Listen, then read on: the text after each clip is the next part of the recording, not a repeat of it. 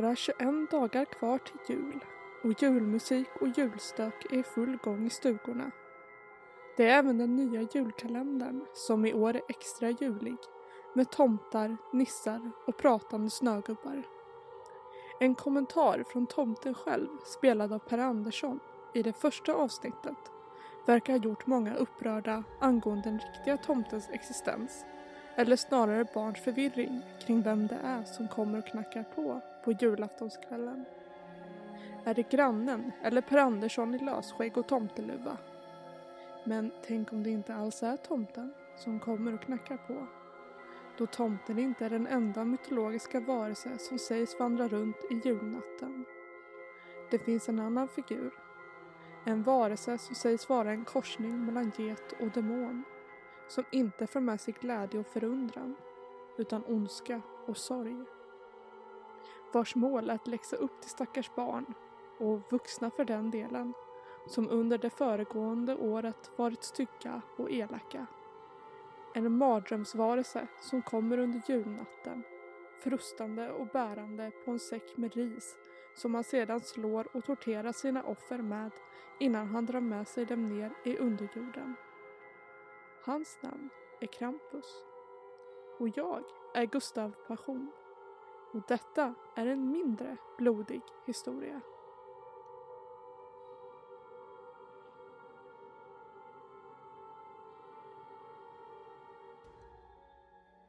Tomten som startade hela myten var en man vars katolska namn var Sankt Nikolas, barnens skyddshelgon inom katolicismen. På grund av hans goda gärningar gick han till historien som förebilden av den mytologiska man vi idag kallar tomten. Och precis som Nikolas delar han ut presenter och för med sig välvilja och värme under december.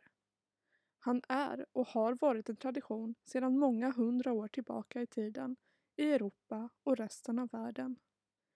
Men hans motsats, Krampus, har funnits nästan lika länge som hans goda motsats i mytologin. Denna onda varelse, som barn i svunna tider varnades och skrämdes av, finns i flera länders folktro, i olika skepnader och med olika namn. I delar av Österrike och Tyskland var rädslan för Krampus ett genomgående tema för stygga barn som deras föräldrar kunde hota med om de gjorde något hyss. Medan en annan del i Tyskland har en man vid namn Belschnickel och Knecht Ruchberg. Båda svartskäggiga män som går runt med pinnar i högsta hugg för att slå de barn som betett sig illa. Frankrike har Hans Trapp och Per Fautard. Olika namn men samma utgångspunkt. Helt enkelt raka motsatsen till den vi traditionellt tror är tomten. Krampus namn kommer från det tyska ordet krampen för klo och ska enligt asatron ha varit son till Hel, dödens gudinna som härskade i dödsriket och underjorden och dotter till halvguden och trickstern Loke och syster till Midgårdsormen. Han ska även dela vissa likheter utseendemässigt med mytologiska varelser inom den grekiska mytologin som fauner och satyrer som även de kunde vara mycket oberäkneliga och till och med elaka om man hamnade på fel sida av deras gunst.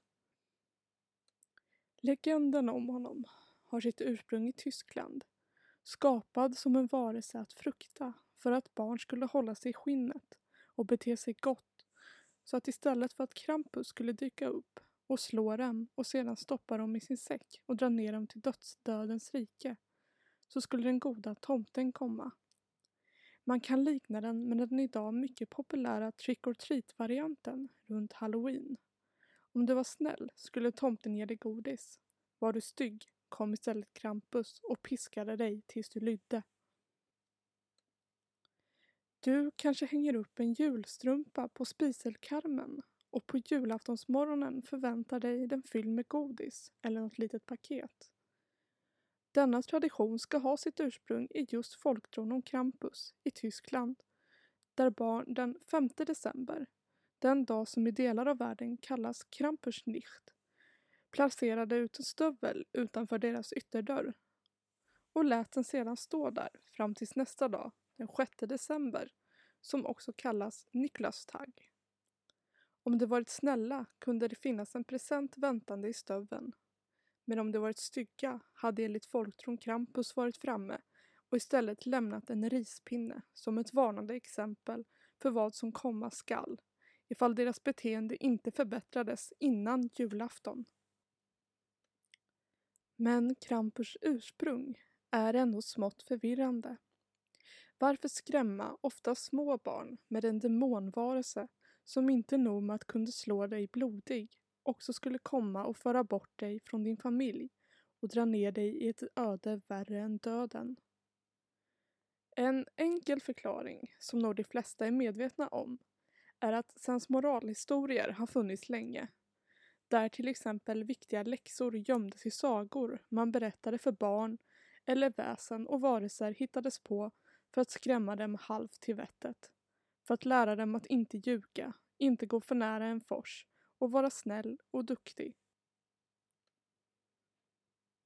Krampus kan också vara produkten av mörkare tankar då det ibland berättas om att han inte bara straffar barn utan även vuxna som gjort misstag de ännu inte straffats för.